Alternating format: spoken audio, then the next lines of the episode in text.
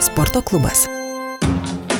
Sveiki gerbimieji, studijoje prie mikrofono Vytautas sporto klubas kviečia jūs suklusti ir pasiduoti sporto karštlygiai. Tokijo olimpinės žaidynės startuoja Liepos 23 dieną, jos tęsis iki rūpjūčio 8 dienos, o juose mes galėsime palaikyti ir alitiški Šaulį Karolį Gerulį, su kuriuo ir sveikinuosi. Sveiki, Karolį. Labą dieną.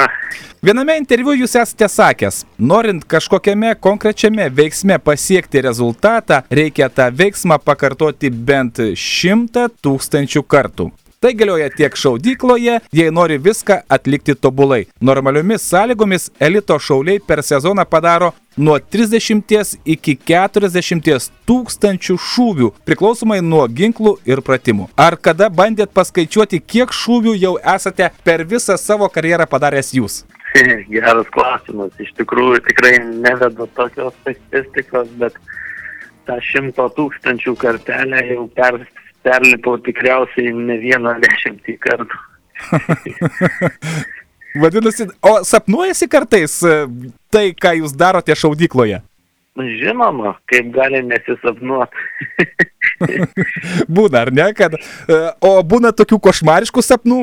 Būna aišku visokiausių, čia vos ne kaip autogeninės treniruotės kartais ir tikslingai bandai susapnuot, kad e, kažkas įvyktų ne taip, kaip tu planuoji. pamatyti savo reakciją, galbūt, ne, iš, kad ištiktų tave šokas e, ir, ir taip su tuo susitvarkyti. Tai daug apie tai ir svajojam ir dažnai būna ir sapnai aplanko. Grįžkim į tą momentą, kai jūs iškovojote kelialapį į Tokio olimpinės žaidynės. Kruatijoje berots vykusėme Europos čempionate. Jūs tai padarėte, jeigu aš neklystu. Ir koks tas jausmas, kai sužinojote, kad keliaujate į Tokiją? Na, tas jausmas iš tikrųjų buvo neapsakomas, nes visgi to tikslo link eita labai daugybę metų ir pakankamai atkakliai.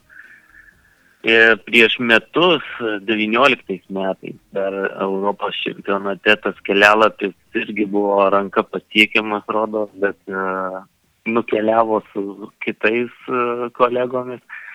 O vat, čia mes dar kartą įrodėm, kad visgi galim dėl to dalyko kovoti ir kada sužinojom, jog tas vienintelis uh, Europos žemynui likęs kelialapis per nepaskutinysis atitenka man, tai tos, sakykime, tie jausmai, kurie užplūdo, visokiausi buvo ir, ir euforija, ir, ir dabar nežinojimas, kas toliau bus, o kaip čia mes ruošimės, kas įvyks, to laiko labai nedaug, bet, na, iš tikrųjų viskas, kaip sakant, sudrumstas vandens paviršius irgi nusistovi kartais. Tai manau, kad ir dabar jau yra taip viskas natūralu, priimta, jau susigyvent spėjom su tą mintim ir ruošiamės eiti toliau.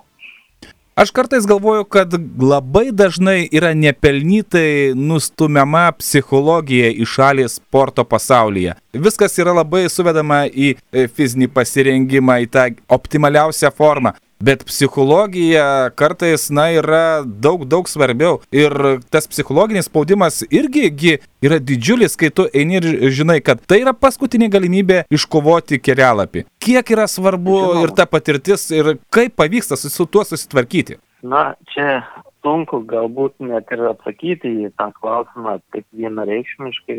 Iš tikrųjų, vieną dieną atrodo, kad esi labai gerai pasiruošęs, tavo forma puikiai, bet galva tavo nedirba taip, kaip tu nori, kad jinai dirbtų. Net su savim sunku susišnekėti ar ne, nes tu negali kontroliuoti savęs. Kita kartą lyg tai tavo ta techninė pusė, sakykime, ir nėra galbūt tam tope, bet tu labai gerai gali susikoncentruoti, išlaikyti savo dėmesį į, į menkiausias detalės ir visą, sakykime, tą rezultatą būtent taip pastatyti. Tai iš tikrųjų psichologija elitiniam sportui labai didelę dalį vaidina. Aš manau, kad kiekvienas technologiškai, sakykime, fiziškai, techniškai yra pasiruošęs aukščiausiam lygiai ir kada, sakykime, tokias lygis uh, prieš priešoje, ne, toj dvikovoje susitinka, tai visi turi lygias galimybės, bet vat, vieną dieną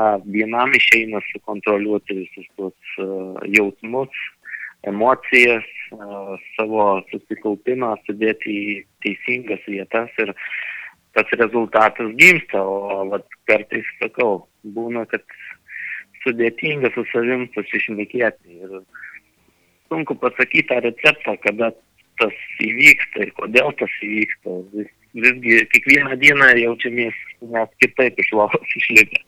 Tai ir sporte lygiai taip pat nusiteikimas reiškia daug, bet irgi žvaigždės tikriausiai turi susidėlioti pagal save.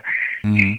Na, kalbant apie nusiteikimą, tai dabar jau vyksta pasiruošimas olimpinėms žaidynėms ir jūs treniruojatės kur šiuo metu? Šiuo metu tai mes stengiamės jau nebesitreniruoti, tik tai palaikom tokią, kaip mhm. sakyt, formą, kad patikrinti, ar viskas veikia taip, kaip turi veikti. O šiaip tai prieš olimpinės turim labai daug popierizmų, olimpinėms žaidynėms pasiruošti ne tik tai reikia fiziškai, sportininkai turi dar perskaityti krūvas dokumentų, taisyklių, kas leidžiama, kas neleidžiama, kokio protokolo mes turim laikytis ir kaip gyventi tam olimpiniam kaimelį.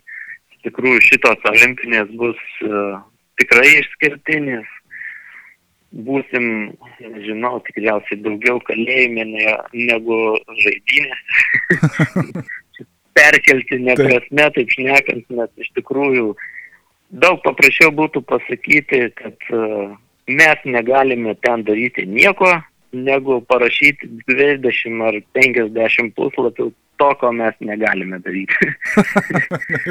Na taip, toks paradoksas. Iš tikrųjų, daug, daug visokių reikalų ir tie testai, pastovus uh, testavimai, visi uždaryti būtų, niekas niekur mūsų neišleis.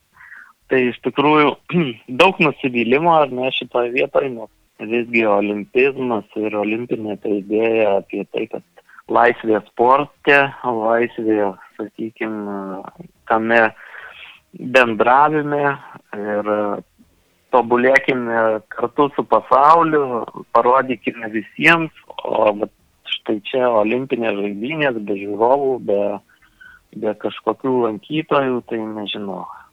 Viskas bus truputėlį kitaip negu mes, negu aš galbūt įsivaizduoju tai, kas yra olimpinės žaidynės, kaip jos atrodo, ir, bet visgi tai olimpinės žaidynės kokios jos yra, tokias mes turim priimti. Na taip. Sakant, nusiteikti būtent tai kovai, ar ne, tam rezultatui. Ir kaip seksis, bus matyti, aišku. O kada startuoja jūsų olimpiada?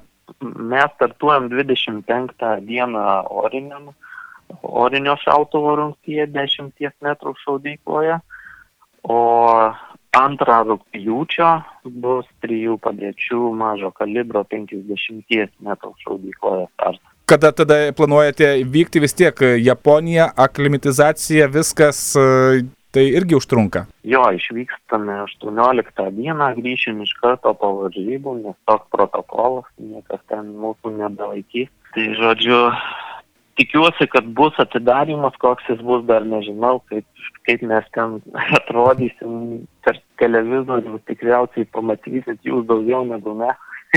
Na taip, iš tiesų, aš manau, kad šiuose olimpinėse žaidynėse, kadangi žiūrovų nebus galima, tai visi sulipė prie televizijos ekranų stebės ir tikrai kitokios, jūs kaip sakote, tai bus kitokios olimpinės žaidynės, tai bus istorinės olimpinės žaidynės, bet tai vis tiek yra olimpinės žaidynės. Beje, kokia rungtis jums geriausiai sekasi, na arba artimiausiai yra širdies, ar neišskirtumėt? Ai, kad žinokit, ir ta ir ta rungtis yra širdžiai mėla, aišku, 50 metrų šaudykloje.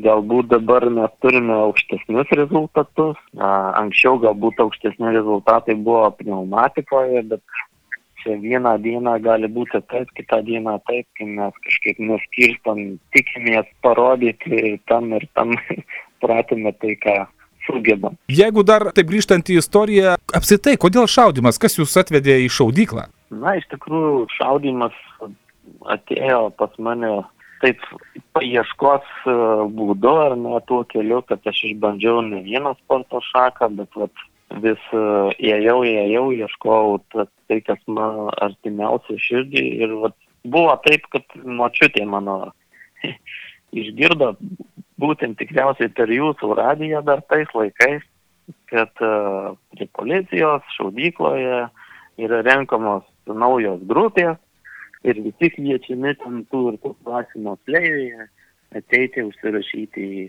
į, į, į sportą. Nu tai vat, surinkom ir mes klasiai savo aktyvistus ir atėjom išbandyti ir kažkaip vat, užsibuvau. Ir gerai padarėte, nes štai keliaujate į Olimpiadą. Beje, ar Lietuvos tautinio olimpinio komiteto prezidentė Daina Gudzenevičiūtė kalbėjo su jumis, davė gal kokių patarimų irgi, ji 2000-aisiais Sidnėjoje aukso medalį iškovojo. Jo, su Daina, žinoma, mes pabendraujame, galbūt ne tais techniniais ir psichologiniais klausimais, bet būna daug ir, ir, ir bendrinių tokių temų. Tai ryšys yra, tikrai yra ir žinoma, kiekvienas ruošiasi pagal save, kaip čia pasakys.